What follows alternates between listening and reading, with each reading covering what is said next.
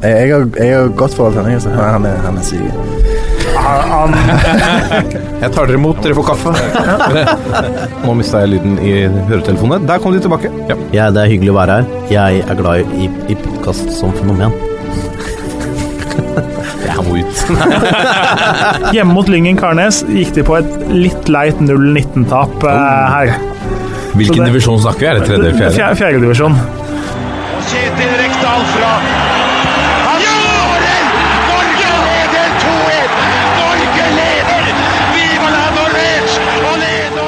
Og der er eh, toppfotball tilbake igjen etter en eh, liten pause. Det er eh, mannefall, virker det som, i toppfotballredaksjonen når det nærmer seg sommer. Ikke vet vi hva som brer seg, men vi har fått høre at det er litt ferie her og der. Lasse Wangstein liker seg jo i det varmere strøk. Han liker jo å benytte seg av mulighetene som medfølger å jobbe på Oslo lufthavn Gardermoen. Det ser vi til stadighet. Han er ute og farter. Jørgen Kjernås han har ikke tatt ferie. Han kommer tilbake, men er nødt til å spille inn på dagtid, hvilket gjør det vanskelig, for vi andre har jo litt mindre fleksible, fleksible jobber. Han begynner å bli såpass søker på det nå at det er Ja, nei, det er litt stjernefaktor nå på breddefotballgeniet. Han eh, kommer eh, forhåpentligvis tilbake neste uke. Denne uken har vi derfor rigget oss opp med ikke bare én, men to representanter fra eh, Akersgatas eh, hva skal vi si, fremste budstikke. Eh, først og fremst eh, Joakim Bortsen, velkommen tilbake. Tusen takk for det. Kjekt å være her. Hvordan står det, hvordan står det til med deg? Jo, det står uh, bra til. Det har vært uh, en hektisk periode. Mye som skjer Uh, med U20-landslaget, nå er Eliteserien gang igjen, så det er jo deilig. Det er bra aktivitet. Ja, for du er ute på reisefot litt. Følger, følger opp. Ja, det har vært eh, litt nå den siste perioden, så det er jo bare gøy. Dekket du U20-landslaget litt på egen hånd? Satte opp kamera, rapporterte foran. Det så litt sånn ut på en Ja, av måtte det. Ja. Var, var alene. Ja. Du er ikke redd for å få sånn Zlatan eh, Jeg husker Zlatan angrep eh, en lignende journalist som stilte Ja. spørsmål på samme måte som han stilte spørsmål om er du kameramann eller journalist. Ja, Zlatan mente vel at det var litt sånn fattigslikt av han reporteren der Erling Braut Haaland eh, sa vel eh, for øvrig at eh, det var den eneste måten jeg kunne komme foran kamera på. Det var jo for så vidt rett, det. Men eh, eh, Nei, det var, det var jo synd at de røyk ut uh, allerede etter gruppespillet, men uh, en, en fin tur. På din høyre side sitter en annen mann kjent for de som leser Budstikka i eh, Akersgata. Øyvind eh, Herrebrøden, velkommen. Tusen takk. Hyggelig å ha deg her. Veldig Eh, veldig VG-tungt, denne sendingen. Det betyr jo suksess, gjør det ikke det? Kvalitet, eller? Ja, kan gjøre det. Skandaler? Noen skandaler? Ja, det blir det helt sikkert. Ja. Vi, vi gleder oss eh, fælt. Eh, la oss eh, bare rulle i gang. Vi skal jo selvfølgelig få vite enda mer om deg, Øyvind, litt etter hvert. Vi skal ha rundens øyeblikk. Eh, vi er midt i et mesterskap, og vi tar stadig steg. Og nå er ikke lenger målet kun medalje, men det er gull, ifølge fotballjentene. Eh, sier man fotballjentene? Fotballkvinnene? Jeg tror eh, når du kan si fotballgutter, skal man si fotballjentene. Ja, det syns jeg.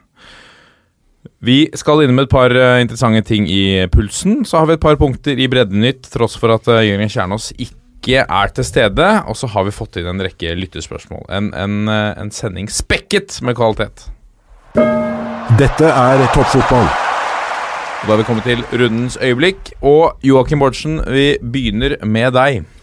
Ja, vi diskuterte jo her litt eh, på forhånd, og jeg velger å gå for en eh, individuell eh, prestasjon av en meget spennende ung gutt fra Nærvik.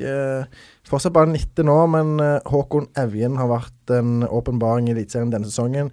Og han fortsetter jo bare å herje for uh, Bodø-Glimt. Eh, den 1-0-skåringen hans mot uh, Strømsgodset, det det er som å se David Silva for Manchester City nesten. Det vender opp, eh, danser seg gjennom godseforsvaret og, dunker inn eh, 1-0 der. Og det, det er så høyt nivå over den eh, skåringen at det, det er noe du sjelden ser egentlig i Eliteserien. Så det var rundens øyeblikk eh, for meg. Men så har han jo også en på en måte en assist til det andre selvmål også. Mål Ja. nummer to der. Han er jo involvert i det aller meste. Og apropos U20-VM, da spilte jo han venstre back for Norge. Noe som eh, sett i ettertid kanskje ikke var den beste posisjonen for han. For eh, som indreløper og kant i Bodø-Glimt, så har han vært helt fantastiske. Og fortsatt bare 19 år. 2000-modell.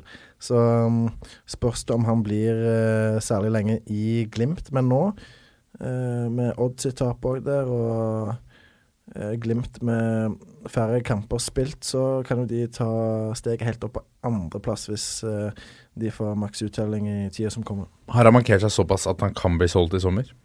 I, i teorien så kan han det. Eh, han Ja, i, I teorien kan jo, alle. jo, jo, men han har vært god nok til det, da, for å si det på den måten. Eh, dessverre da så fikk ikke han vist eh, sine offensive ferdigheter i Polen. Der eh, sleit han jo eh, ganske mye defensivt eh, som venstreback, spesielt mot Uruguay. Men han er jo ikke venstreback. Han er jo en, en kreativ, eh, skapende spiller som eh, eh, det ikke er mange av i norsk fotball på det nivået der. Han er liksom Martin Ødegaard-type på mange måter i det offensive spillet. Så har han òg mål i seg. Det har han vist tidligere i sesongen òg. Hadde jo denne her helt vanvittige nettkjenningen mot Ja, Som er en helt annen type skåring scoring, på en måte. Mot, mot, han mot Mjøndalen, Ja. på overtid 5-4. Der det var vel i, i det 111. minuttet eller noe sånt, for det jo masse tilleggstid der. Så det Nei, han har vært uh, helt ekstrem denne sesongen. Mm. Ja, I gamle dager hadde vel veien til Lerkendal ligget åpent. Det hadde jo vært klassisk Rosenborg å hente en, Ja. ferdig, en halvveis ferdig utvikla indreløper ned til 4-3-3, men Ja, altså- den tiden er jo forbi. Ja. altså, kanskje. ja, altså, du skulle tro det. Nå, I hvert fall satt på vent eller satt på hold. Da. Ja, ja, nå skal jo de legge om strategien litt. Og, Ja. og, eh, men samtidig, det er jo et definisjonsspørsmål, da. Rosenborg vil eh, hente yngre spillere som ikke er ferdigutvikla. Han er på en måte midt i, i skillet da, mellom eh, de to kategoriene. Og så er han vel for dyr for ja, de det er akkurat det, for han vil jo koste 20 millioner? ja, altså, Ikke i år, kanskje? Neste år? Det kommer litt an på hvem som kjøper det, selvfølgelig. Og hvis det var Rosenborg, så hadde nok Glimt fort krevd eh, ja, godt over 10 millioner. Kommer det en Premier League-klubb eh, som det selvfølgelig skal en del til for at de gjør, men da hadde jo selvfølgelig prisen vært eh, langt høyere. Spennende spiller det. Håkon Evjen fortsetter å imponere oss. Eh, Øyvind, hva har du eh, plukket ut? Jeg var på Nadderud og dekka Stabæk Tromsø, som var veldig kjedelig eller veldig innholdsløs ganske lenge, da. Men så skjedde det jo noe på slutten der når eh, Stabæk fikk straffe, og eh, Kassi skjøt. Og vi veit vel fortsatt egentlig ikke ennå om ballen var inne eller ute. Så Nei, og det var vanskelig å se på de bildene også. Ja, og så så jeg Stabæk f.eks. la ut noen bilder bak mål, men det var jo egentlig helt uinteressant, for du fikk jo ikke den rette vinkelen eh, uansett, verken av TV-produksjonen eller av eh, de bildene som ble tatt fra sida eller fra bak mål, for det var jo ikke Det måtte jo vært da fra tverrliggeren eller fra langs sidelinja, og der sto jo assistentdommeren, og han bør jo ha sett eh, Ja, for det sto, vi har jo en mann på, på, Ja. linje, på mållinja Ja, der. men han var ikke Han var på Det var jo på Han skjøt jo i venstre tverrligger eller kryss, nesten, så Lenemann står jo på motsatt side, da. Ja. Så han hadde jo kanskje ikke det beste, for da tipper jeg keeperen var kanskje litt i veien og alt sånn. Altså utsikten hans, altså, uten å ane åssen den var, så var jo ikke den Det hadde jo vært bedre å ha den på motsatt side. Ja. Går det så fort òg at hvis det snakker med om et par centimeter, så eh, da skal du eh, nesten ta en sjanse for å kunne dømme at det er scoring. sant? Da er det Mm. gjerne tryggest å bare la han gå. Vi må jo være sikre. Men det bringer jo fram eh, en, en diskusjon som vi jo egentlig tenkte å ta litt senere i programmet, men, men eh, VAR, nå vil eh, Fotballforbundet vente med VAR, og det er jo litt sånn symbolsk, eller ikke symbolsk, men, men eh, spesielt at den diskusjonen kommer jo nå, selvfølgelig, og den vil komme hver gang vi får en sånn type situasjon. Nå har de sagt at, at opp- opprinnelig så var det snakk om 2020, nå sier eh, Du skulle jo prøve det i cupsemifinalen i år. Stemmer. Det var jo første test, og det hadde jo vært kult å Ja. sett hvordan det ville funka og alt sånn. Men det dropper de også. Eh, De føler seg ikke nok kompetente at de ikke har fått dommerne klare for å bruke verktøyene, for det vil jo kreve selvfølgelig litt eh, skolering, rett og slett. Da. I Danmark har de jo rigga seg for det nå, og kjørt eh, kjørt, eller er klare for å rulle ut VAR fra og med neste sesong. Så den tror jeg skal Den tror jeg bare er en formalitet unna å bli god, eller vedtatt i Danmark, da. Ja, for ifølge Nils eh, Fiskekjønn så krevde det eh, masse opplæring. Det er veldig mye strenge krav til innføring av dette fra Fifa og Uefa. Um, og, og så er det jo et Det koster jo litt.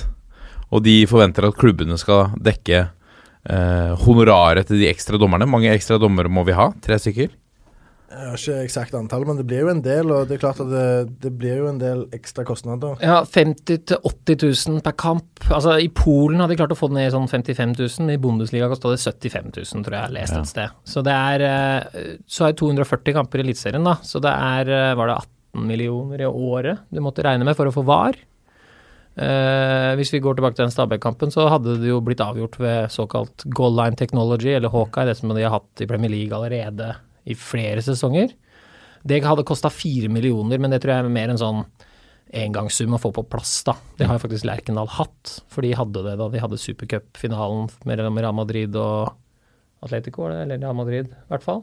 Den høsten. Så da, sto, var det, da var det satt opp på Lerkendal. Men det er de tatt ta- ned, på en måte. måtte de ta ned igjen. Ja. Så, men det er jo antageligvis Den firemillioneren må nok Det må nok kanskje klubbene ta, for det er jo en Hva skal man kalle det? En uh, forbedring av egen hjemmebane, rett og slett. Da. Så, men det er jo vanskelig å vite hvor VAR-regninga skal gå. Skal de ta det Mest sannsynlig legger de jo opp til et spleiselag mellom NFF og klubbene, da. Men jeg mener at eh, den regningen må uansett bli tatt, eh, enten av klubbene eh, eller NFF eller eh, Vet ikke om norsk toppfotball er involvert, eller hvordan de gjør det, men eh, sammen iallfall så må det løses hvis norsk fotball skal eh, være så profesjonelle som eh, de fleste ønsker at han skal være, og med tanke på spill i Europa eh, mål om Champions League og Europa League og osv. Så, videre, så tror jeg eh, det er viktig at eh, vi er med på den utviklingen som eh, er i gang for lengst. Ja, Men i Europaligaen ja, Mm, i også- Europaligaen så må vi jo legge til rette for noe av det, vel? Hvis vi skal ha norske lag med i gruppespillet? Ja, det kjenner jeg ikke til åssen de har For det Champions League innførte det jo først i sluttspillet i år, da. Ja. Så altså, Men testet altså de ikke- Ja, jeg mener de testet i Europaligaen eh, først, ja. Og så kom det i sluttspillet i Champions League i år. Men det var jo ikke noe VAR på Sarpsborg stadion, f.eks. Nei. Nei, det er sant. i høst. Det så det, det hadde vi huska, garantert. ja, ja. ja. Ja, ja, ja absolutt. 18 saker om det i VG. Og så føler jeg at det, det er klassisk når, når det første året eh, noe sånt blir innført, også i Eliteserien, så kommer det til å komme noen hendelser hver eneste kamp. Ja. Det kommer til å bli så mye var. Jeg prata med Vadim Demidov etter kampen da, og spurte alle de som var på Eller de, noen av profilene i den matchen om hva vil dere ha VAR egentlig, eller vil dere ha Eller kanskje goal line technology, alt ettersom. Og da sa Demidov at med de dommerne vi har i Norge nå, så var han veldig usikker på om de var klare for VAR. Uh, og så fleipa han med at uh, han uh, tenkte seg liksom sånn Hvis alle de norske de dommerne vi har nå, skal gå gjennom alle de situasjonene, så er ikke jeg hjemme før tolv, sa han. Eh, og når vi, når vi har sju avspark, så vil jeg helst være hjemme til ti. Ja? Så, eh, nei, så det var jo litt festlig og litt humor, da. Men det er jo faktisk viktig, og det er jo derfor NFF venter. For at de må eh, skolere dommerne skikkelig, så de kan bruke det. Så det ikke blir at de sjekker alle situasjoner, og at, at VAR på en måte fungerer etter hensikten. Ja. Men det Joakim sier, er jo også spennende for norske dommere. For de må jo, hvis de ikke får øvd spill, dømmer en liga til vanlig uten VAR, så må jo de bli fullstendig uinteressante for internasjonale oppdrag. Ja. det må det. Så det er jo eh, Ja, for det er interessant å høre liksom, om noen- og hva mener norske dommere egentlig. Eh, for jeg har faktisk prøvd å få dem på banen nå, post Stabekk, uh, Tromsø. Og hvor er egentlig de? Altså, de mest profilerte dommerne, da, vil de ha VAR? Vil de ha den hjelpa? Eh, eller goal line technology? Eller mener de at eh. Det har vært interessant. Og hva tenker du om egne ambisjoner hvis de skal fortsette å dømme i en liga uten VAR, da, når Mm. alle andre kjører på?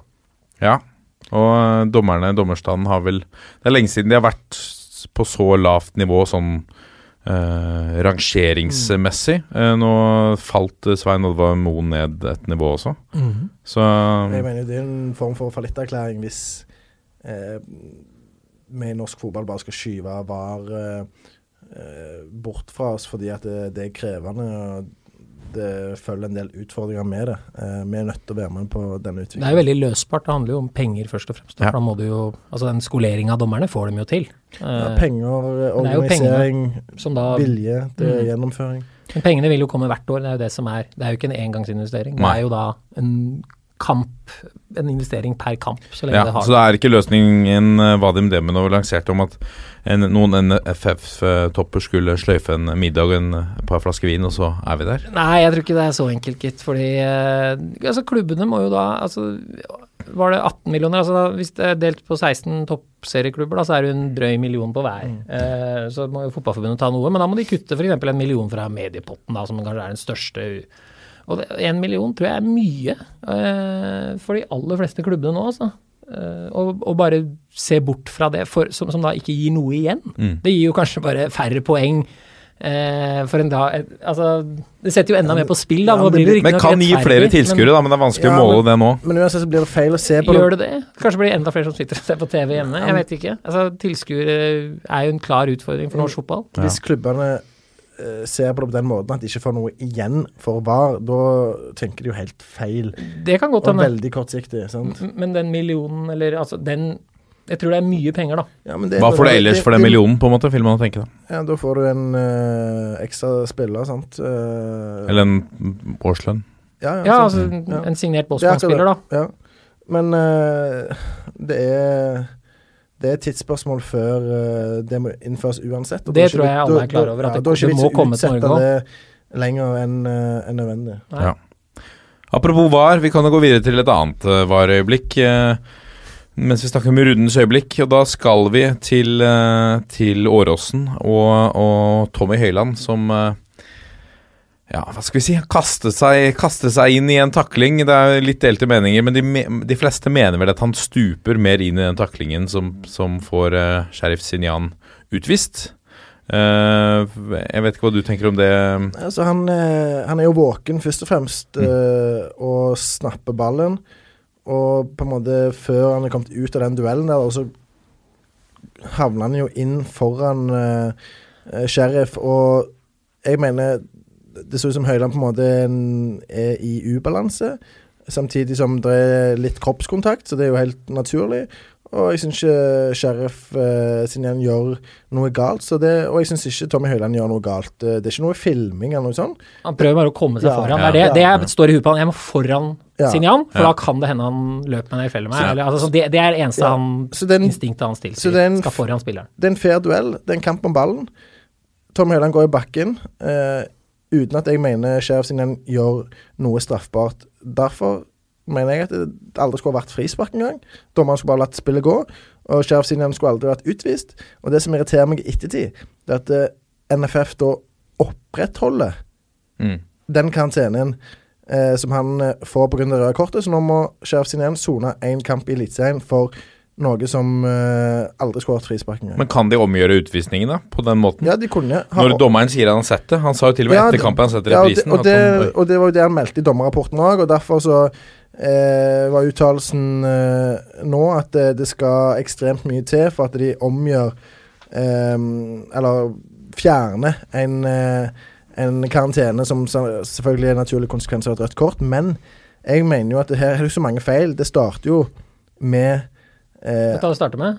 At Sinjan er dårlig orientert. Jeg mener faktisk at han må ta Ja. litt altså, det, er ikke, det er ikke riktig med rødt kort, men han, men- han en bedre stopper. han mister jo Ja. ballen. Han mister ballen, er Mm. dårlig orientert. Han, han skjønner, og han vet, han må liksom regne med å få kula, sånn som jeg husker situasjonen. Det er jeg Ja. ikke helt sikker på, men han er dårlig touch og dårlig orientert Ja. og setter seg sjøl i Han er jo den fella, uten ja. at det er hele forklaringa. Ja. Men det kunne vært Han er medskyldig, da. Han er jo litt nonchalant, men det som er herlig, det er at han fremstår veldig reflektert og, og fin i intervjuet etter kampen. Det er akkurat det han sier når han får spørsmål om ja, var det rødt kort og sånn, så sier han at eh, han mener at det ikke var det, men eh, jeg skal ikke eh, skylde dette tapet på det. Det var min feil. Det er jeg som satte meg sjøl i den situasjonen.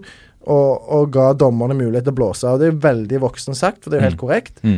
Men han skulle aldri ha fått eh, det frisparket mot seg, og det skulle aldri vært rødt kort. Og når dommeren da ikke kan innrømme feilen Mm. etter å ha sett det på video, så skjønner jeg veldig lite. Og når da igjen eh, de som skal ta dette opp til vurdering i etterkant, heller ikke kan omgjøre det fordi at eh, dommeren står på sitt, og det skal ekstremt mye til videre for å eh, ikke gi en karantene når en spiller har fått rødt kort, så, så blir det for dumt for meg. Liksom. Det, hvorfor skal vi være så rigide når all sunn fornuft tilsier at eh, Sheriff Sinjan aldri skulle ha vært straffa? Men Ja. hvis, hvis det hadde vært VAR på Åråsen den kampen, så hadde kanskje Hafsås da sagt nei Ja, da, til VAR. definitivt. Altså sånn hvis, Ja, der og da, det er egentlig det han gjorde etter kampen. Det er jo litt uh, pussig egentlig, at han hadde eh, avvist eh, innspillet fra videobussen. Ja.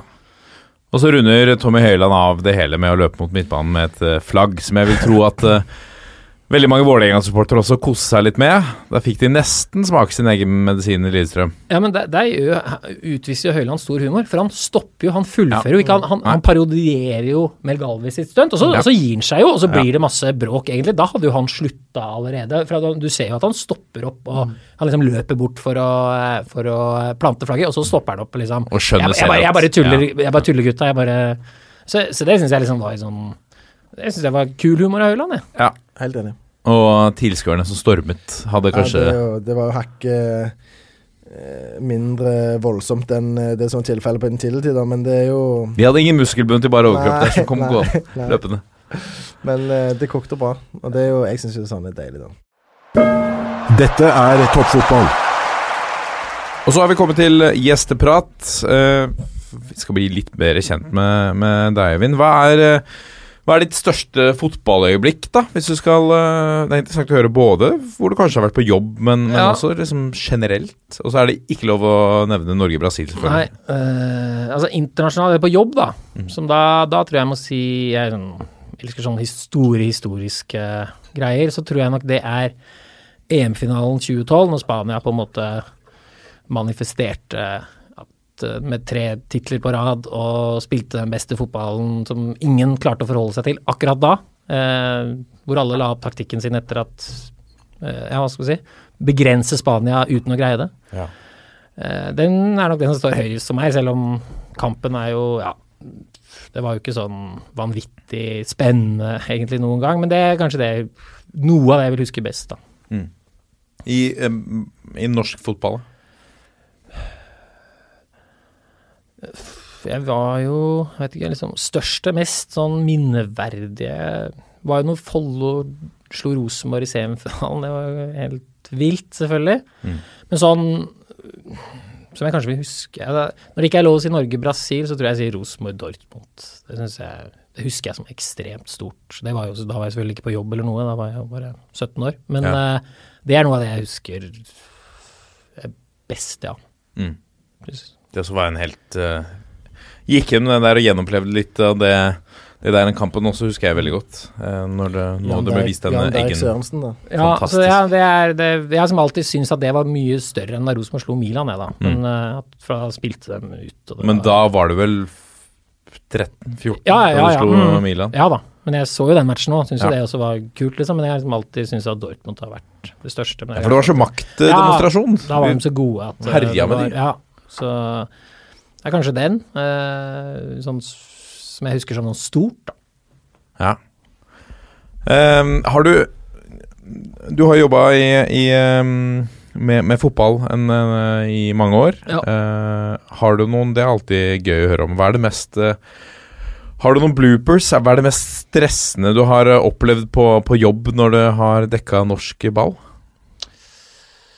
Uff, nei, det føler jeg er stress omtrent hver eneste dag. Ikke noen sånn bloopers har jeg sikkert hatt masse av, men uh, ikke sånn typisk jeg kommer på nå. Ikke med norskball heller, der, er liksom, der er det som regel ordna forhold og alt sånn. Mm. Uh, jeg var i fotball-EM i Russland i fjor. Da bodde jeg i en leilighet i Rostov. Eh, da Den heisen jeg tok opp til 15. etasje, sånn som der det selvfølgelig ikke var noen trapper eller nødutgang, i en sånn god gammeldags sovjetisk høyblokk da, som vi hadde fått tak i, for det var helt tomt for hotellrom eh, en periode der, fordi Mexico spilte der, og de fylte jo stadion i Russland Ja. eh, som sikkert mange husker. Så der var det, den byen var full da, den dagen jeg kom, så jeg bodde på, liksom, i en leilighet som var fin for så vidt. Men den heisen opp der, den 80 cm gang 80 cm, og så var det sånt nummer du kunne ringe hvis han stoppa, men det tror jeg var sist operert på Stalin sin tid eller noe, sånn som det så ut på den plakaten. Så den, Eh, Det tror jeg faktisk var Det, det var antakelig det mest stressende øyeblikket jeg har hatt alle de gangene til å ta den heisen. Ja, for du måtte jo ja, ta den jeg heisen. Måtte, jeg måtte. Det var 15 etasjer over bakken, jeg ikke, og jeg fant ikke noen trapp. Selv om han der utleieren påsto det var der, men jeg klarte ikke å finne den. Og så, så der sa jeg meg selv at jeg kan aldri ta den heisen her hvis jeg ikke skal ned på jobb. Jeg kan ikke gå ut for å kjøpe meg en cola, eller Det her må jeg kun bruke når jeg er strengt nødvendig. Jeg må aldri ta mer enn jeg absolutt må. Nei. Så det er det, men jeg er dårlig på de andre sånn stressgreiene fra stadioner og sånn. Altså er, I Norge er jo nesten alltid alt på stell. Ja. Hva er det beste stedet å komme på jobb på, da? I, av norske stadioner? Som journalist? Det er god pølse på Nadderud. da. Lokal ja, men der må du, får du marsjmerke etter kampen når du må over stadion, eh, da du mest sannsynlig allerede er litt bakpå fordi du har sittet igjen og gjort klart noe børsmanus eller eh, kampmanus eller endra på noen greier og alt sånn, så Og den eh, brakka der på vinterstid også nei, er ja, den er, så Nadderud er nok dessverre Eller jeg håper veldig gjerne at Stabæk får en ny stadion snart, som det er snakk om. Jeg syns jo Telenor Arena var jo fantastisk, Mm. med heis og innendørs. Altså sånn, det var litt kjedelig. Ja, ja, men sånn Ja, du satt jo i femte etasje, tredje etasje, eller Ja, ja, men Da var det greit med heis. ja, da var det greit. Ja, det, den heisen stolte jeg på. Men, eh, men der syns jeg det var helt Altså, alle klagde på at fotball inne var teit og gymsal og sånne ting. Jeg syns det var helt topp. For det var, det var liksom de kampene, få kampene i juli du kanskje liksom heller ville sitte ute. Ellers så var jo det helt nydelig året rundt. Så nei, det er de fleste, jeg syns de fleste leverer bra. Jeg. er Lerkendal og Ullevål på landskamper og øh, Ja, det No, er- noen som har bedre servering enn andre. ja, men etter at eh, de økonomien på. ramma norsk fotball totalt, ja, ja. Så, så er de er fleste stedene skuffende. Før var det jo de herligste pizzaer og varmretter og alt sånn. Bortsett fra Åråsen, der kjørte de fortsatt bare Ja, men de lys bagett med ost. Ikke ost og skinke, men ost. Ja, men, men, og majones. Og majones. ja, ja. men, men de har i hvert fall holdt på den hele tida. Så Ja. Der er det ikke noen overraskelser. Og kjeks, sånn der, ja, ja. Sånn, eh, så det var jo voldsomme greier en periode. Viking stadion hadde noe pizzabakeren og Ja, ja. Og så kom det, kom det et, liksom etter et par år etter eh, finanskrisa, og da var det noen kjeks, liksom. Altså Ja, varmt, varmt nå- vann og kjeks, det var ikke kaffe engang, nå er liksom. det, med all, med all respekt for Viking, nå er det ganske krise der, faktisk. Nå er det sånn uh, lite rom under uh, hovedtribunen, som egentlig er sånn uh, lagerrom, tror jeg. Oh, ja. Så det er jo helt uh, Ja, så men Ja, Jeg har fått lasagne på Vålerenga-kamp på, på Ullevål stadion en gang. Ja, det, det- var, ja. det var stort. mm, Ja, det er mange som Eller det er Men det er jo ikke det. Vi drar jo ikke på match for å spise. Vi er jo der for å kose oss med fotball. Det er sant. det er korrekt. Det er sant. Har du noen eh, eh, Hvor nøye er dere på, på å være objektive, da? Kan dere snakke om eh, eh, favorittspillere i norsk ball og Det er lett internasjonalt, selvfølgelig, men har du liksom noen norske nåværende favorittspillere? Kan du Yes, altså, jeg vet ikke om det er favorittspilleren riktig, men de jeg syns er bra, da, er jo Det sier seg jo egentlig sjøl, sånn i Eliteserien i år. Så syns jeg jo Eikrem har jo vært fantastisk bra. Det var han jo i fjor høst også. Det skjønte jo alle at han kom til å bli Eliteseriens beste spiller idet han signerte. Mm. Han er jo veldig god på det nivået her, og, og, han- og han er god når spillet legges opp på hans premisser. Det skjedde jo i Malmö også, f.eks. en sesong hvor han da skulle brukes på den måten han er best på. Men når han på en måte forsvinner inn i en mengde og skal gjøre like mye av andre ting som det han er god på, så er jo ikke han like god, syns jeg, da. Så du er en av de som ikke uh, Som mener at han ikke bør tas ut på landslaget, kanskje? Kunne vært i en tropp og kanskje kommet inn og utgjort en forskjell, men der har du jo mange andre spillere, da. Uh, så ja, jeg, jeg, jeg, jeg ser ikke hans naturlige rolle i et Lagerbäck-lag, da. Ikke en 4-4-2 da, nei. Nei. Så, men altså, for all del, han kunne jo vært Man kunne gått inn som en av to spisser, kanskje. Heller tatt den jobben og Ikke, ikke, ikke, en, Ikke fra start, nei. Nei, men ikke, ikke en ren spiss nei, heller. nei, nei. Det hadde vært sånn 4-2-3-1-formasjon. Sånn. Mm, men altså, sånn Det er ikke jeg, jeg klarer ikke helt å si at det er gitt at han skal gå inn der, og, eller så det er, tror det har blitt vanskelig for han da. Det tror jeg egentlig han sier sjøl også. At uh, han ser ikke helt ja, Altså han ser ikke helt sin rolle i det laget. Da. Nei. Og det har jo ikke noe med at han er dårlig Nei, eller, nei, nei. Eller, eller dårligere enn f.eks. typer som Ole Selnes, Markus Henriksen og, og sånn, eh, men, eh, Men ta de gutta der da og sett dem på et eliteserielag. De hadde jo herja i eliteserien. Ja, for all del. Selnes har jo herja i Eliteserien. Det gjorde jo Henriksen når han var 18. ja, Ja, men, god men det gjør jo Ekrem òg. Så han er Ja, ikke sant? ja. Sånn er det i den gruppa. Ja. Men det er mange som han. Mm. Det er jo det som er eh, Vi, vi har bra, en bra forspent midtbane nå, med, med noen like typer også. Ja da, og der er det jo, sliter jo Lagerbäck nesten med uttaket når han velger å sette Henriksen på siden, for det betyr jo at han ikke klarer å velge bort en av de tre. Ja, han bruker Sander Berge og Ja, og Hvordan syns vi det fungerte, da? Henriksen på kanten her. Jeg syns Henriksen var god mot Romania. Jeg synes Han løste veldig bra, men det var for at han flytta seg den kampen dekka igjen. Flytta han seg mye over i midten. Han var jo lenge like mye på høyresida som på sin venstre kantposisjon. Eh, I hvert fall sånn når Norge angrep. Så da, da syns jeg han løste det veldig bra i den perioden eh, Nå syns ikke Norge var så fryktelig god i den kampen, men når, fram til 2-0 syns jeg liksom han gjorde det beste ut av det, da. Men Henriksen er jo han er nesten mer et anker enn han er eh, I hvert fall kant. Altså sånn, det er feil mann på feil posisjon, altså. Du kan ikke basere eh, mange kamper på å bruke Henriksen i en venstrekantposisjon. Eh, du må bruke spillerne der de er best, og hvis de ikke forsvarer eh, en rolle eller i den posisjonen, så må du heller benke dem og bruke noen andre i sin Ja. naturlige posisjon på kant. Men men Lagerbäck gjorde det med Gylfi på Island. Da, han satte den jo overalt. Han spilte sentral midt, han spilte ute til venstre, han spilte én og to spisser.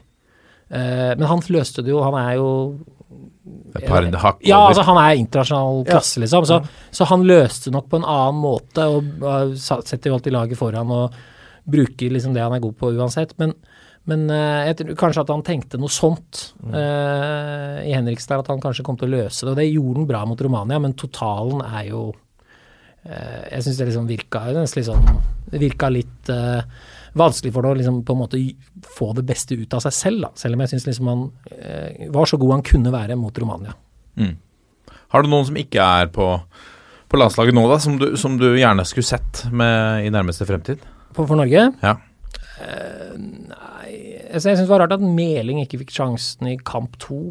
Eh, han og alle sammen har vært veldig jevne, da. Uh, tipper Lagerbäck vil ha fysikken til alle sami. Mm. Løpskapasiteten, det. Men som på en måte ikke Meling tilbyr, da.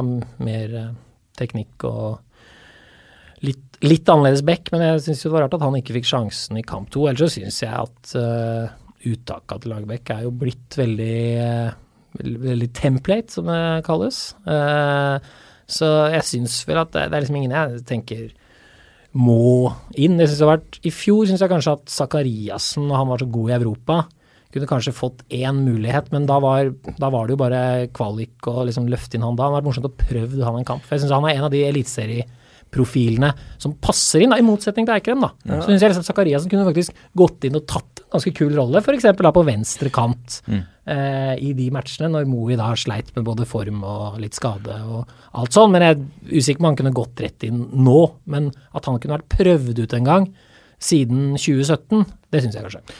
Jeg mener jo at uh, du må bruke kantspillere på kant uansett uh, over tid. Fordi hvis du skal få maks ut av et lag, så må, så må du bruke spillere som, eh, som er i sine vante posisjoner. Men når det er sagt, så gleder meg jo til gjerne et år eh, eller to der vi får se Erling Braut Haaland eh, på A-landslaget. Men allerede nå så hadde det jo vært interessant å sett Fredrik Gulbrandsen med sin ekstreme hurtighet. eh, Eh, jeg vet ikke om, eh, om han hadde vært en hit, eh, men eh, med tanke på at han har prestert bra for Red Bull Salzburg og er så ekstremt rask som han er, så skulle jeg gjerne likt å sette han på landslaget. Ja, og så er, han jo litt eh, kompletter, altså, kompletterende når vi f.eks. mangler Joshua King. da Ja, så, så har du en type som han. eh, Men jeg tror Ola man kan er ikke samme vurdere typen. Tariq opp mot uh, Fredrik, da. Mm. Uh, Gudbrandsen. Jeg tror det er kanskje er det valget han har, uten at han har spurt noe om det. Så tipper jeg at det er det de, Han har vurdert de to. Han veit at Tariq leverer, han veit at Tariq er inne i systemet. Fredrik har vært med på én samling, tror jeg, og da veit ikke om han fikk spille. Var en, tror jeg var Albania borte i mars i 2018, så var Ja. Fredrik Gudbrandsen med. Så jeg tror bare Han liker jo Tariq ekstremt godt, starter alle kampene. Så ja, han kunne nok prøvd, men jeg tipper at det er vurderinga han har gjort, da. Ja. Så har vi eh, bedt deg om å sette opp din fire norske fotballstjerners eh, middag.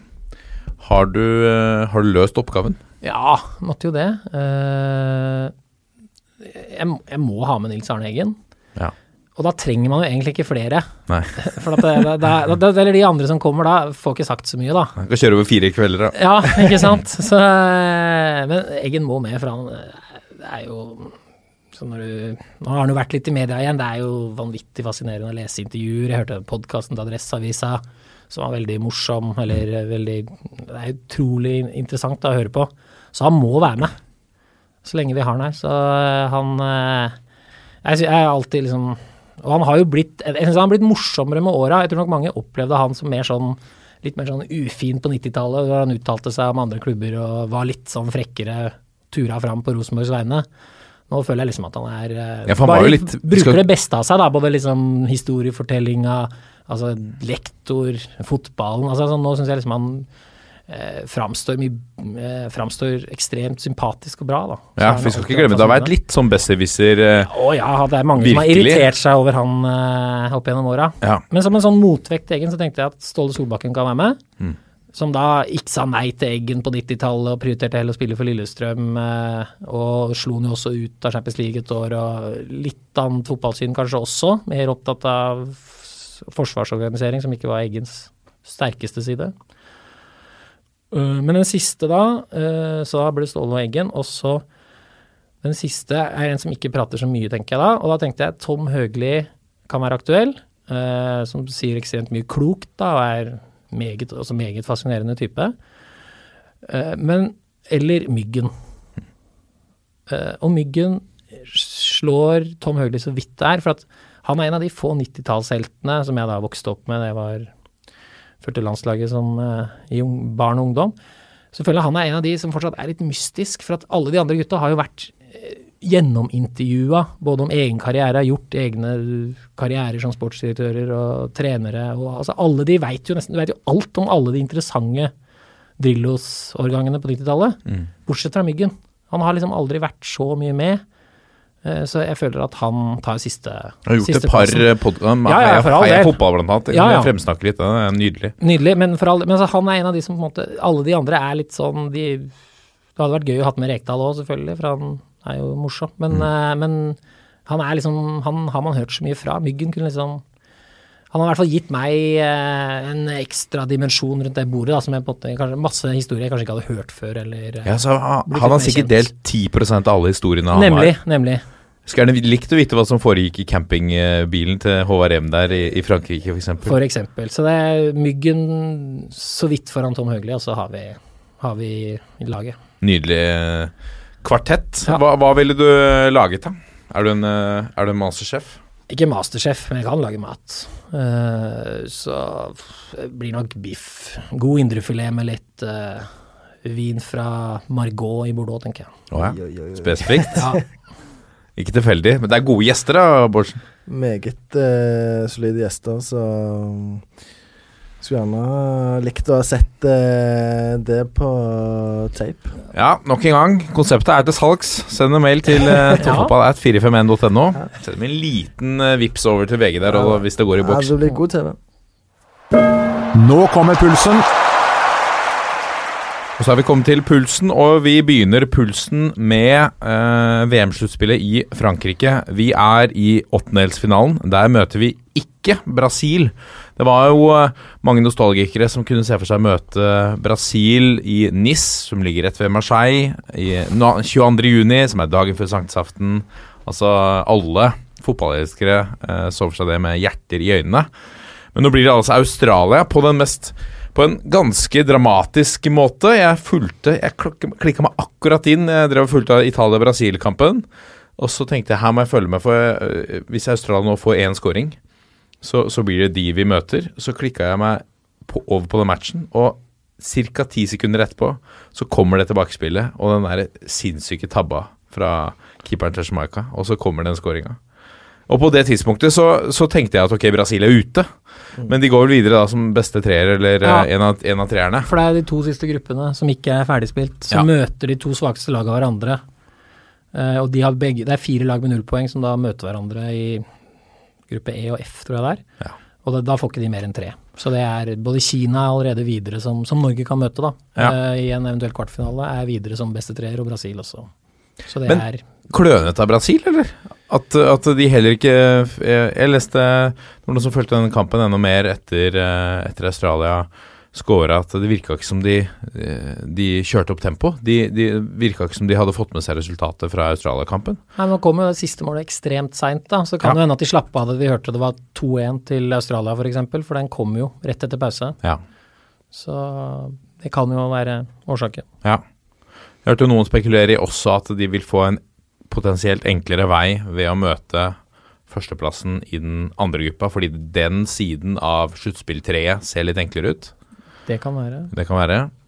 Uansett, vi, ehm, vi skal møte Australia. eh, med eller uten Caroline Graham Hansen. Det så Altså, hun har vært både optimistisk og pessimistisk, og, men gleder seg på lagets vegne, selvfølgelig. Ja, altså, det er jo vanskelig for oss å eh, vurdere om hun blir klar eller ikke. Det vet uh, bare hun og støtteapparat og landslagssjefen, uh, regner jeg med. Det er jo en leddbåndskade, en liten leddbåndskade i ankelen. og det uh, Alle her inne har vel spilt fotball med en vond ankel. Det er jo sånn som du kan teipe, og sånn som du kan få noe smertestillende mot, og som du kan på en måte Du kan springe deg litt i gang sant? når du får varmen i deg og sånn. Så kan det bli bedre og bedre. Så, så lenge at det ikke er sånn stor hevelse og sånn, så tror jeg at uh, det skal kunne gå greit. Og det er jo selvfølgelig ekstremt viktig for Norge at hun er på banen. Hun har uh, noe som svært få andre har, uh, med den eh, enorme hurtigheten og balansen og smidigheten og de tekniske ferdighetene der og evnen til å både skåre sjøl og sette opp lagvenninner. Så eh, hun er jo en type spiller som motstanderen er nødt til å ta mye hensyn til. Noe som òg frigjør eh, rom og muligheter for lagvenninnene. Så eh, er hun òg en ekstra trygghet eh, for eh, resten av laget å se at hun er på banen. Så vi får jo selvfølgelig håpe at det, det skjer. Så Ja. er det jo det at uh, hvis hun da spiller, da er hun, hun, er hun like god som hun har vært uten, ikke sant. Så det må jo også da ta en vurdering. Hvor mye, men hun er jo så god at uh, 95% Graham Hansen er antageligvis bedre enn erstatteren uansett. Men uh, Men kan du kanskje risikere å hemmes, kan å forverre skaden også? Alt det der. Ikke sant. Så det er eh, ja. det Dilemma. Ja, dilemma. Så har vi, vi har jo andre enere som står fram. Altså Torisdottir har vært en, en bauta. Jeg Mje- Mjeldå, egentlig. Hva sa du? Ja, Mjeldå. Altså, Ja, ja. Stoppeparet Norge har jo vært uh, nydelig. Meget bra. Mm. Jeg liker også å se innstillingen til Isabel Herlofsen framme der. En skikkelig sånn det, Det er jo et veldig bra Pitbull foran. Ja, det er jo et veldig bra lag, sant. Og så er det jo en herlig gjeng med et ekstremt godt uh, samhold, og dere nevner stopperne, sant. Jeg er jo uh, litt svak på sånn eh, eh, Vilde Risa og Ingrid Syrstad Engen sentralt, som eh, både er gode med ballen og er flinke til å vinne den, sant. Og, og har en eh, eh, helt eh, nydelig ro. Sant? De er, er VM-debutanter, men de stresser ikke i det hele tatt. Og, og jeg syns de sprer en, eh, en deilig ro til resten av laget med måten de opptrer på. Og så har du selvfølgelig Guro Reiten, som har samme type ekstreme ferdigheter eh, som Brukte tolv minutter på å svare kritikerne i første match mot eh, ja, Nigeria. sant, sant. Sammen med Graham Hansen. Og, Mm. og de to har jo en del av de samme kvalitetene som er helt rå. Så eh, jeg syns det er mye spennende i det laget der. Og så har du sånn Karina Sævik som kan springe hele dagen, sant, som eh, eh, jobber opp og ned og gjør en veldig viktig jobb. Og du nevner Herlovsen. Sant? Det, det er veldig mye bra. Og så eh, blir det spennende mot Australia. Et, eh, jeg snakket med Even Pellerud, som var så de eh, nå mot Jamaica, eh, som er i Frankrike. og og tidligere norsk landslagssjef og nå fagsjef for kvinnefotball i NFF. Vel, Og speide på motstanderne, skjønte jeg. er vel tittelen hans. Og han sa jo at eh, Australia er et eh, kollektiv på nivå med Norge, men det er gode muligheter til å slå dem. Men må stoppe denne stjernespissen, da, Sam Kerr, som er 25 år, eh, som uh, putta alle fire måla mot eh, Jamaica. sant? Du er sånn typisk boksspiller, eh, god i, i rundt 16-meteren, så eh, det ble opp til Tore Stotter og, og Mjelde eh, i stor grad å temme Sett Tore Torisdottir på henne og så bare ta henne ut av Ja, eh, det blir matchen. veldig interessant dueller da. Ja, Kerr har jo tro har skåringsrekorden både i australsk liga hjemme og i amerikanske ligaen. Ja. Og så har hun ikke levert i VM, da. Dette er det tredje VM hennes, og så tror jeg hun faktisk ikke scora før i år. Hun hadde ett mål før kampen i går, så har hun fem nå her sånn, men det har på en måte vært en sånn eh, forbannelse da, for henne at hun ikke har levert i VM-sammenheng, og nå er hun jo maks på gang, så det kan bli eh, interessant for de norske, selv om det skal sies da at de to siste måla var jo reine gavepakker. Ja. De to første var kjempefine. Nydelig legg hvor hun head med begge med hodet, faktisk. Så Men hun, er, hun lukter jo Ja, ja. skåringene. Mm sant? Og den siste òg, selv om det fjerde målet er en enorm brøler av uh, eh, Jamaica sin keeper, så, så jager jo den uh, skåringen på 3-1. Ja, hun lukter den jo. Ja, ja, sant. Og, og det forteller jo òg at eh, det norske forsvaret og, og, eh, og keeper må være på vakt hele tida. Ja.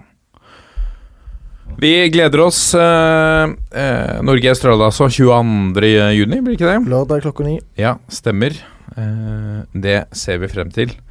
Eh, vi går videre. Vi var innom Lagerbäck i stad. Han, eh, han har eh, ertet på seg litt uh, eliteserieprofiler, for han, uh, han uh, snakker til stadighet uh, negativt om nivået i norsk eliteserie. Bør han holde seg for god for dette, og, og la være kanskje å fremme sin ærlige mening for å, for å unngå kritikken mot eliteserien?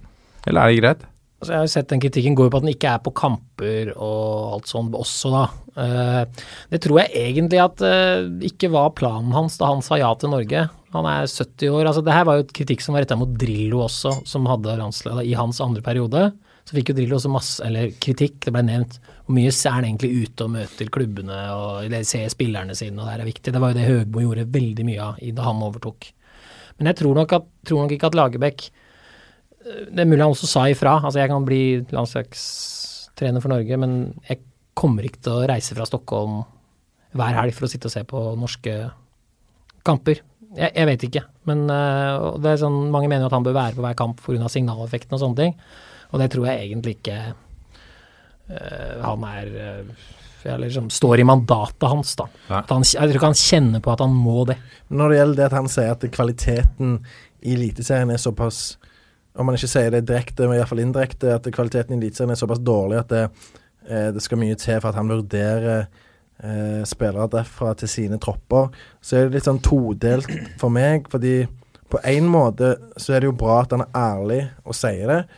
Eh, og da forteller han jo samtidig at eh, her eh, må både klubber ta grep for å bli bedre, eh, og spillere er nødt til å tenke nøye gjennom eh, hva de gjør i sin hverdag, og eh, om den er god nok, og om de må jobbe enda hardere for å ta et steg til utlandet hvis de vil oppfylle drømmen som den jo er for veldig mange, å spille på det norske landslaget. Og så er det det andre, da, at han snakker jo samtidig ned produktet norsk eliteserie, som eh, kan være skadelig for omdømmet og Har han ansvaret for produktet norsk eliteserie? Nei, men han er Jeg vil jo påstå at en norsk landslagssjef er eh, Han er ikke ansvar, hovedansvarlig, men han er jo en del av eh, produktet sjøl. Så på den måten så er det jo selvfølgelig ikke gunstig, men eh, du kan jo ikke gjøre så mye annet enn å respektere en manns meninger, da. Så jeg syns det er vanskelig å ta han på det, men jeg forstår jo at folk reagerer. Han, Ja. treff, han trekker jo ofte inn allsvenskan også, det sier han jo, eller i hvert fall jeg har hørt, da, at han sier ja, sånn som nivået er på Eliteserien eller allsvenskan. Altså, han tar jo med seg det, og Ja. gjennom uttaka så har han jo markert en klar holdning til hva han mener om Eliteseriens nivå. Da. Det var jo, han hadde jo med altså, Tysk Sveite Bundesliga holder han jo åpenbart mye høyere. Altså Gustav Walsvik var jo nesten fast i troppen hele hans første år. Spilte også flere kamper. Da var han stopper i Braunschweig i Sveite, som nå er nede i drittet, som det heter, tror jeg. Eller i hvert fall på nivå tre i Tyskland. Så, så det her er jo liksom noe han har kjørt, eller holdt fast ved, da. Også på Island så holdt han på sånn, altså idet en spiller flytta hjem, så hang landslagsplassen i en tynn tråd. Liksom han unngå, unngikk i lengste å ha spillere som ikke som spilte da i hjemlig liga. Ja. Ja. Vi, eh, vi holder oss i, i Eliteserien, vi. Eh, det går rykter om at eh, Rosenborg har lagt ned bud på Ibrahim Waji i Haugesund. Nå er det vel også bekreftet at Niklas Bentner forsvinner i sommer. Det har man visst i haketegn lenge. Men er Waji en, en spiller som passer inn, eller er det Hornland som faller for eh, det å hente inn gamle disipler? Ja, så Han har jo henta Akintola med en viss eh, suksess, selv om Akintola ikke blomstra fullt og helt eh, foreløpig, så er han iallfall i ferd med å spire litt, det er ikke det det heter. Så eh, han eh, har jeg tro på, og eh, han kjenner jo Waji òg fra tida i Haugesund, så han vet hva han eventuelt får. Så det er ikke overraskende sånn sett, og Wadji har jo vist denne sesongen òg, spesielt med Mjøndalen, med tre skåringer eh, for et fysisk unikum og eh, rå målskår han kan være, så eh, det er et eh, forståelig eh, overgangsobjekt for eh, Rosenborg. Vi har jo vært på Frank Poli, så kan det hende at det tyder på at de gir opp han, eller ikke har råd til den, eller et eller annet sånt. At det her er en billigere løsning. Rosenborg har prata om at økonomien er litt mer pressa nå i år, og eh, at de da har kanskje gått på Vi kan jo kalle at Wadji er jo én hylle ned, eliteseriehylle ned fra Boli, som er toppskårer i fjor. Ja, profilmessig, men jeg tror ikke nødvendigvis er det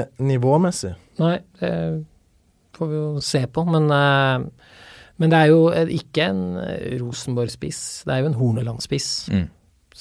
Men det er jo han som styrer der oppe, så det er jo logisk. Og han kan helt sikkert Altså, han har jo vanvittige kvaliteter. eh, Så jo det mot Mjøndalen, hvordan han liksom sto overfor forsvarsrekka alene og brøyt gjennom og scora. Det er jo ikke Ser jo ikke det ukentlig på norske baner.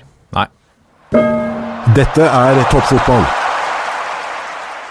Og da har vi kommet til lyttespørsmål. Vi har fått inn eh, eh, noen. Noen utsetter vi også til neste uke. Vi tar et fra Doffen, som eh, ønsker at vi skal diskutere trenerspørsmålet i start, og ikke minst økonomien.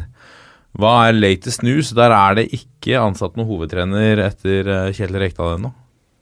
Har dere noen eh, spreke rykter å by på? Jeg tror Nå så jeg en sak i FVN at alle spillerne har uttalt seg at de gjerne vil ha Hardarson videre, og jeg tror også, sånn jeg har forstått det, er det som At det blir at sånn klubben jobber, så ligger det an til det. At de fleste blir nok overraska hvis ikke Hardarson blir mer enn eh, permanent, eller altså han blir mer enn eh, midlertidig. Mm. At det er det som ligger an nå. Jeg tror nok de har vurdert Tom Nordli ned igjen, altså innad i hvert fall. Om han har fått noe tilbud eller hva han prater med, aner jeg ingenting om. Men eh, at, han, at hans navn har vært nevnt for å på en måte tenke at han skal opp, eller at de skal opp. Eh, kanskje få litt fotball eh, som det svinger litt av, sånn som hvis han kan gjenskape det han gjorde der nede sist. Har nok vært aktuelt, men at det ligger nok an til så videre. Ja. Hva tenker du, eh, Joakim? Vi, vi ser jo dette nå, sam, samme tendensen som vi ser i Godset. Spillere som går ut i lokalavisa og støtter den nåværende løsningen i Godset Håkon Wibe Lund. Det er jo vanskelig å svare noe annerledes da hvis du får spørsmålet om eh, ønsker du at nåværende trener skal fortsette. Ja, men Da, da pleier ofte spillere å svare det, det er opp til styret, så det skal ikke jeg legge meg opp i. Ja. Det er ofte et eh, da, Så- da, da tenker de litt annerledes. Ja, så altså Jeg eh, kjøper ikke helt eh, på en måte den problemstillingen med at det, det er kun det type svar du får. Fordi som Øyvind sier, så Hvis du har en midlertidig trener som du overhodet ikke har tro på, så går du ikke ut og sier at uh, og beskriver hvilke egenskaper han har som er positive, og hvorfor han er et godt valg for klubben. Da sier du som Øyvind sier, at uh, det, er ikke, det har ikke jeg noe med, og Nei. jeg forholder meg til det klubben bestemmer. Så at Håkon Wibe Lund er veldig godt likt internt eh, blant eh, mange Strømsgodset-spillere, det er det ingen tvil om. Og i start så så trenger de jo en eh, samlende leder eh, eh, som har en evne til å skape både harmoni og, og utvikling i den klubben der over tid. Eh, nå har det vært en del bytter de siste åra med Steinar Pedersen, Steinar Pedersen som fikk sparken, og Rekdal inn og han ut. Så, Dempsey. ja, Dempsey. Mark Dempsey, ikke minst. Så det har vært eh, veldig kaotisk eh, både på trener- og, og ledernivå. Så eh, de må, de må få ro i den klubben der, og da virker det som Joey Harderson kan være et godt valg. Men hvis vi holder litt på, på, på godset også, da. Nå, nå skrev vel du i dag at de har elleve spillere på utgående kontrakt. En del av de er sikkert bestemt at skal ut. Du har en del av de som er litt oppe i åra. Henning Hauger får kanskje ikke en ny kontrakt, mulig en, et, ett år, da. Jeg snakka litt med Håvard Lilleheie rett før eh, sendinga, og han er veldig klar på at her må det noe nytt uh, til. Uh, er, er løsningen, når det ser så dårlig ut i godset som det gjør nå, å ansette en som liksom er den kulturbyggeren? Trenger du ikke kanskje noen som kommer inn med en pisk for å rydde opp litt? det, jo, altså pisk og pisk. Du trenger Først og fremst så trenger du en dyktig trener. sant? Altfor mange steder, eh, både i innen fotballen og arbeidslivet for øvrig, så er det eh, manglende kompetanse, sant, eh, som du ofte møter på. og eh, da er det vanskelig å, å få den utviklingen som eh, alle ønsker. Eh, I godset òg nå, ja, de trenger en tydelig leder. Det har på en måte vært eh, etterspurt eh, en periode. Og, og det kan godt være en som er, er beinharde, men det kan òg være en som eh, eh, Jeg vil iallfall foretrukket en person som har evnen til å, til å få med seg eh, eh, laget og til å eh, få maks ut av potensialet de, så, så kommer det an på hvilken måte du gjør det på. Men eh, eh, det er fortsatt brukbart med kvalitet i den godsegruppa. Eh, mer enn nok til å holde seg i divisjonen. Så når det, når det gjelder disse elleve kontraktene som er på, på vei ut, eh, så er det jo mange tunge navn der. Eh, Markus Pedersen, eh, Henning Haugård, Stian Ringstad, eh, Keita Pellegrino eh, med flere, sant. Men eh, de er jo i en helt spesiell situasjon. Eh, de har ikke en trener, og det er klart at det, klubbledelsen tenker nok at det, det er dumt også nå å signere syv mann på nye kontrakter, og så kommer det inn en trener om eh, fire dager som uh, plutselig ser at uh, Men jeg vil ikke ha de i klubben. Sant? Så, så jeg skjønner jo klubbledelsen hvorfor de har latt dette her bli en sånn situasjon, men det er ikke gunstig. Ja, Om elleve dager, antageligvis. da. Hvis det er 1. juli, så kan de antageligvis da begynne å 1. juli kan de begynne å forhandle eh, åpent eh, Med neste, det som blir neste klubb. ja, og da ja. setter de jo Og signere. De kan signere ja, for andre Ja, ikke sant. Og da setter de jo godset i en vanskelig situasjon, for vil man da ha de spillerne som da er på vei til et Mm. nytt sted og Mm. alt sånt, ofte løser Noen ganger funker det veldig bra, sånn Joakim Jørgensen i fjor med Start og Sarpsborg, og det ble noe i Sarpsborg og det, det funka greit, de dekta cellen og han gjorde jobben ut året, men det kan bli i en sånn nedrykksgreie, og det sitter masse spillere der på på vei et annet sted, det er jo Jeg er ikke sikker det er Ja, gull fordi for at- godset, da. i, ja, men bare for å si det kjapt, I en nedrykkskamp òg, så er det jo spesielt lite gunstig. sant?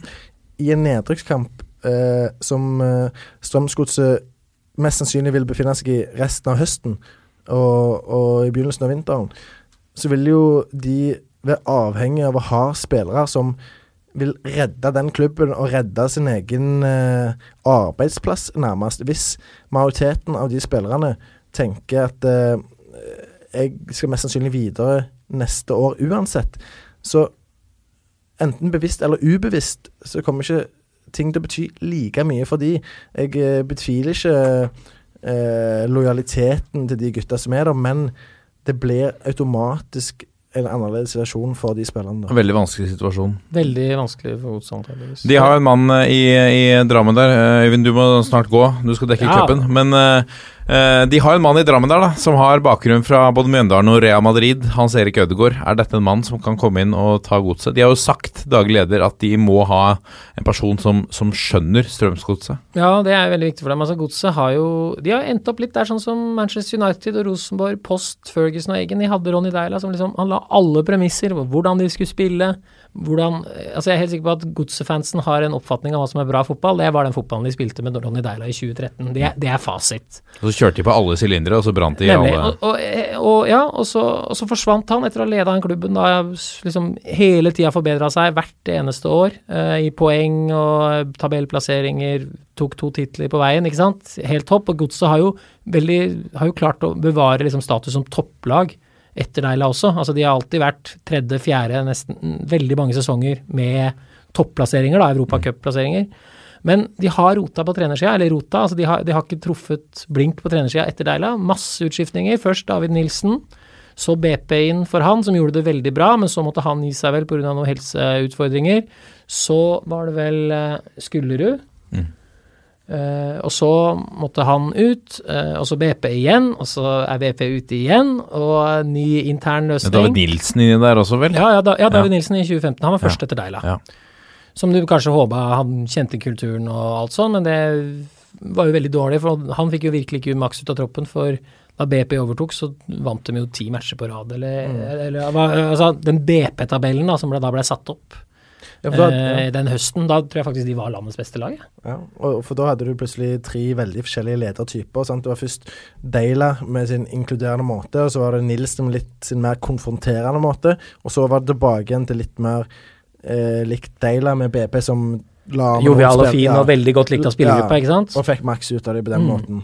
Ikke sant? Og, så, og hva, hva de trenger nå, er jo vanskelig å si. Altså, det positive for godset er at de har Jostein Flo der, som har vært der hele veien og er liksom kontinuiteten i klubben og alt sånn, men nå er det tyngre økonomi. Det var jo snakk om på Eurosport her at de gode hjelperne kom til å trekke seg ut. Eh, de har liksom hatt bety... Jeg tror Ja, egentlig for det er eierkabalen i tillegg òg, ja, som er ikke sant. eh, Eh, murres. jeg husker liksom da Tor Ole Skullerud overtok, så man følte jo at godset var ganske økonomisk godt besatt sånn etter norske standarder. Som den perioden etter Deila Og Ødegård-salget. Ja, Ødegård-salget. ikke sant, og Iver Fossum tjente masse penger på. Uh, ja, flere gode. Og hadde jo alltid en av de beste, mest spennende talentene, liksom, i først Ødegård, Iver Fossum. Uh, du hadde Gustav Vikheim. Ja, ikke sant. Du tok opp, fikk hele tida opp nye, veldig flinke med unge spillere, men nå er det vel ingen sånne super uh, Johan ja, Hove. Johan Hove, men han har de henta fra Sogndal, så han Ja, er jo på en måte Ikke lokal. Ikke lokal på den måten, da. Men, eh, men eh, nei, veldig Veldig, virkelig veldig, veldig liksom vanskelig for godset nå. Nå var det snakk om han danske Henrik Pedersen, men der har det vært tyst. For det er liksom når DT Drammens Tidende er, er gode på godset, sånn som jeg oppfatter det, og de, når de skrev at han var eh, den mest aktuelle Jeg husker ikke om han var Solbakken har vel sagt at frarådet til på å hyre inn han pga. Noen people skills som ikke var helt eh, på stell, skjønte jeg. Ja, men samtidig så har jeg hørt uh, positive ting om hans uh, måte å behandle mennesker på. Og, og Drams Tidende meldte jo det først, og så har jo vi i VG skrevet litt om Henrik Pedersen, så jeg har jo hørt at han er veldig aktuell, og han er jo uh, Men da, da trukket ut, for jeg følte når DT Jo, men- gjør det, så pleier det ofte å skje noe i løpet av noen dager. Ja, jeg husker ikke hva de skrev om, om eh, tidsrammen her, men jeg prata med daglig leder i Godset i går, og da eh, ville ikke han si mye, men eh, jeg var i Drammen òg, og mitt inntrykk er at det kommer til å skje noe der veldig kjapt. Eh, sannsynligvis eh, For å si det sånn, da. Jeg blir overraska hvis ikke eh, de har en ny trener i løpet av neste uke. Det er bare å glede seg, da. Øyvind Erbrønn, tusen hjertelig takk for besøket. Tusen takk for at du fikk komme, det var helt topp. Du må løpe videre for å sikre god dekning av cupens tredje runde. Ja da, vi får se om det blir bomber og alt. Ja, vi gleder oss. Vi skal rulle videre med, med Breddenytt, vi, Joakim. Dette er toppfotball. Og så har vi kommet til Breddenytt. Vi må prøve å spa opp noe bredde, selv om Kjernås ikke er til stede. Og hva er vel bedre enn en 53 år gammel eh, norsk-nigerianer eh, ved navn Mohammed Idris, som spiller ved en klubb ved navn Ørn Horten, som nå har gjort comeback, Joakim Bårdsen. 53 år gammel eh, altså spisslegende. Eh, han, han putta eh, 136 mål på 185 kamper i en eh, lang haug av eh, sesonger. Eh, og nå gjør han altså comeback for Ørn 3 i 7. divisjon. Eh, i, tilbake i 2001 så ble han nominert til årets spiller i 1. divisjon. Da skåra han 16 mål på 30 kamper for, eh, for Ørn. Eh, det er også ganske greie stats. Nå Foreløpig så står han uten skåring. Han har spilt to matcher. Han markerte seg med jungelfinta da han var tilbake. Vet du hva jungelfinta er, Bortsen? Det, Dette er jo eh, pensum for deg som er uh, fotball. Du spiller fortsatt fotball. nei. Eh, Litt bedrift, da. Ja, det har faktisk ikke vært med ennå, men Ja. jeg, har, jeg har ambisjoner om det. Ja, du har ballen, kan føre en valgfritt, innside, utside. Så står du stille med, med forsvarerne rett foran deg, kikker ned i øya, og så slår du ballen med høyreside inni eh, Altså høyre innside, inni venstre innside, uh, med en sånn klikk-klakk, og så går ballen rett fram. Og da beiner du rett forbi. Okay. Jungelfinta. Jeg så det på Fotballekstra for noen år siden. Da frykta de at Jeg tror Morten Langli som sa Da frykta de at eh, nå skulle jungelfinta eh, De frykta det at den ville dø ut nå som eh, Mohammed Idris skulle legge opp. Ok, okay. Men den lever altså videre. Få det ut på YouTube, sånn at den kan leve evig. Få kidsa til å begynne å trene på dette i hagen. Er han godt trent òg, eller? 53 år nå? 43 år med sixpack og gullkjeder. Det er såpass, ja. Ja, ja. Fullstendig legende. Ikke samme farta som han markerte seg med da han var eh, særdeles aktiv, eh, sier lagkameratene hans. Eh, hei til deg, Patrick Bekkeskaug og Kristoffer Silberg. Eh, men likevel, altså. Jungelfinta med tunnel. Ikke bare vanlig finte rett forbi, men tunnel, altså. Mot uh, Jeg husker ikke hvem Må ha vært Huset i Fornland 4 eller noe sånt da de møtte nedpå der. Fantastisk. Ta turen til Lyslund, se Mohammed Idris spille for Ørn 3. Det er bare å anbefale. Vi kjemper for øvrig hardt nå med Store Bergan om, uh, om tetplassene. Store Bergan satser, de skal opp nå. Okay. Store Bergan. Hva er ambisjonen til Ørn 3, da? Ørn 3 Elite, som det heter. Uh, ja, det er opprykk, men de er litt redde for nivået i sjette divisjon. Det blir ikke så gøy lenger. Nei. De kjører kake nå i garderoben der i pausen. I pausen? I pausen, ja. Kake. Okay. Bare det variasjoner sånn av kake. Motivasjonsfaktor for å få mer med på kamp, eller? Det kan være. Ja. Eh, det ser ut til at det funker. Jeg har alltid vært glad i kjeks, så Å ja, selv i dine dager i Viking? Ja, altså sånn generelt så er det jo Kjeks er jo en eh, vanlig del av eh, på en måte kampsnacksen. det er litt eh, frukt, litt kjeks eh, for å få blodsukker. eh. så det ble gjerne litt mye kjeks på meg, da. Jeg Ja. Var litt Var det derfor du ikke Ja. slo gjennom helt? Nei, men, men jeg var litt vel glad i kjeks. Kjeks og kaffe. My, my, mye av det. Men ikke noe kaffe i pausen der? Nei, ikke i pausen. Uh, Hva slags kjeks har dere ført til? Åh, sånn gjerdekjeks, vet du. Gjende? Eller gjende, det heter. Gjendekjeks? Gjende, ja. Den er veldig fin, den. Ja, Den var jo fin i utgangspunktet, og så fikk de den varianten Sjokolade. med sjokolade ja, på ene halvdelen der. Så det, da tok de det opp et hakk. Så det Men det er jo Men folk har litt elsk-hat-forhold til den kjek kjeksen. jeg elsker den. Ja, jeg elsker den. Så, så har du jo safarikjeks. Den er jo helt uh, magisk. Jeg så for meg dere kjørte litt sånn Bixit, sånn havrekjeks. Det har jeg òg hatt. Uh, Det er jo litt min, sunnere eh, variant. Del av, ja, du skulle tro det, men eh, jeg tror ikke den er så sunn. Altså. Så, Jeg sa ikke at den var sunn. Nei, men jeg tror den eh, er sunnere enn Safari. og, den Bixiten òg har det jo med sjokolade. Ja. Ja, du har en litt sånn uh, sunnere variant der med noe sånn uh, fruktvariant inni, men det Du må ha litt sjokolade på. helst. Men tror du det er mye Havrekjeks er godt. havrekjeks, ja? Ja, den òg. Ja, Siba. Undervurdert. Nei, en sånn havrekjeks i sånn plastikk uh, Gjennomsiktig brun plastikk. Stemmer. det? Heter ikke ja, Si- brun. Jeg vet ikke om den er brun. Det kan godt være det er Siba. Si, eh, Siba. Ja, det er en sånn sånn- elektronikkforretning. det. Ja, Siba. Det, ja, stemmer. Men sånn uh, rektangelforma, gjennomsiktig plastikkpakning med havrekjeks, det er den aller beste varianten. Da- Men tror du dette praktiseres? Tror du de kjører kjeks og sånn i, i pausen? Eller eh, Ja, ja. er det mer sånne eh, proteinpuddinger Det er klart og, klart at det har jo kommet uh, mer og mer av sånn eh, sports... Uh, eh, sportsdrikker og, Ja, og ja, ja, sportsdrikker har det jo vært lenge. Med, ja, sånn. med sånne sportsaktige sjokolader da, som er på en måte designa for uh, idrett. eh, det er jo kommet mer av det, men uh, det er jo ennå kjeks, selvfølgelig. Det Ja. går aldri mot den, så det gjelder bare å begrense seg litt. Men jeg husker i gamle dager, da var du nødt til å stille med som hjemmelag. Det husker jeg fra Ørn Horten spilte i andredivisjon. Så måtte bortelaget ha. Skulle ha noe frukt. Du skulle ha en kasse brus. Ja, det er kassebrus obligatorisk. Men det skal de fortsatt ha i Elit- Eliteserien? Eh, Ja, vet du det? det er jeg usikker på, men jeg vil jo tro at det Når drikker du brusen? Etter kamp? Nei, før kamp, i pausen. Det er bare for å få blodsu- blodsukker litt. Jeg- Men kullsyre sånn, skal du ha den når du skal Ja, spille? Ja, men det er snakk om gjerne bare to munner sant, med, okay. med brus. Jeg drikker jo Og drakk ikke eh, Hva skal jeg si Jeg slutta å drikke sukkerbrus sikkert når jeg var 14-15-16 år, men allikevel, bortsett fra i kampsituasjonen, for da er det jo bare å få blodsukkeret. Det er jo som eh, Det er jo veldig mange idrettsutøvere som eh, faktisk tror jeg blander cola og kaffe. Om de ikke liksom blander det sammen, så drik, drikker begge deler, da. Det det gjorde jeg jo for så vidt, og mange andre, før du skal ut og prestere, for å få koffein og sukker. Jeg husker jeg ble så imponert. Olaf Tufte. Mm. Han spiste sånn ti melkesjokoladeplater eller noe for å få opp eh, Ti. liksom, Ja, ruter. Nei, nei, plater. For å, for å få bedre restitusjon måtte ha i seg kalorier. Forbrenner så sinnssykt mye. Men ti hørtes jo Ikke sånn 200 gram står jeg med. Jo, jeg tror det var Det var, det var nok gjennom en hel dag, da. Det Blir ikke det to kilo med sjokolade? Eller? Jo. Ja. Jeg skal ikke Altså, Det, det står ikke i Wikipedia Nei. eller Store Skjønner. norske leksikon. Skjønner. Men det var noe sånt. du, ikke, du har ikke gode kilder på dette her? Nei, jeg tror det var. Tufte sjøl, jeg. Ja, ok. Ja, er. Ja, ja. Gå inn og, og søk det på Google. Vi skal eh, til annendivisjon fordi der er det en tidligere Premier League-trener som nå har meldt seg til tjeneste. Ikke trener. Ikke trener, men dommer. Eh, Bobby Madley.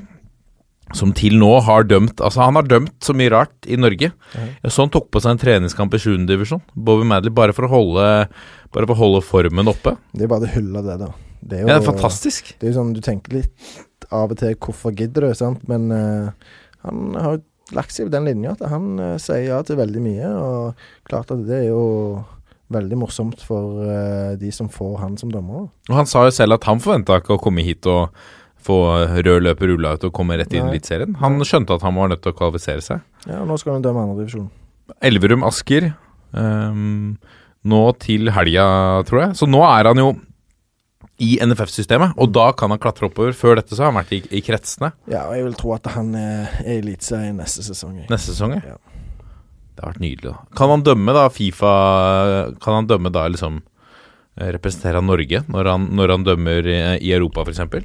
Det er jeg usikker på om uh, Han vil jo være en representant for det norske fotballforbundet, men uh, hans nasjonalitet vil jo selvfølgelig være engelsk. eh, Ja. Så hva som vil stå eh, ved siden av navnet hans eh, hvis han dømmer internasjonalt igjen, det, det er jeg ikke helt trygg på. Nei. Nydelig, i hvert fall. En, eh, en, enda en stjerne altså, som velger seg den norske eliteserien fremfor utenlandsk visvas. Det gleder oss. Dette har vært en nydelig episode, Joakim. Ja, Kjekt med besøk av en opplagt Øyvind Harbøden. Ja, ikke sant? Eh, vi kommer tilbake i morgen med en eh, såkalt preview til neste eliteserierunde.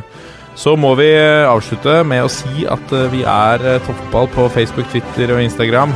Gå gjerne inn og legge ned rating på iTunes med ikke mindre enn fem stjerner. Det blir vi veldig glad for. Eller send en mail til toppfotball at 451.no. Så takker vi for litt spørsmål, og så tar vi med oss noen av de også i, til neste uke så avslutter vi på 1, 2, 3. Vi er en gjeng. Ha det!